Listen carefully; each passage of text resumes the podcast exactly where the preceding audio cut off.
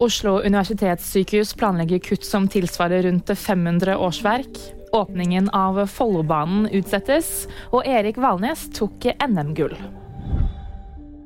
Oslo universitetssykehus vil kutte rundt 500 årsverk. Det endelige spareforslaget skal være klart i slutten av februar, men det er fremdeles usikkert hva som skal kuttes. Tidligere denne uken ble det kjent at kvinneklinikken på sykehuset skal stenge mellom to til fire fødestuer. Åpningen av Follobanen utsettes til søndag 12.2.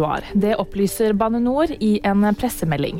Årsaken er at arbeidet med feilretting og testing av skjøter og endeavslutninger er mer omfattende og tar lengre tid enn hva man først trodde. Erik Valnes tok NM-gull på Gjøvik foran Even Northug.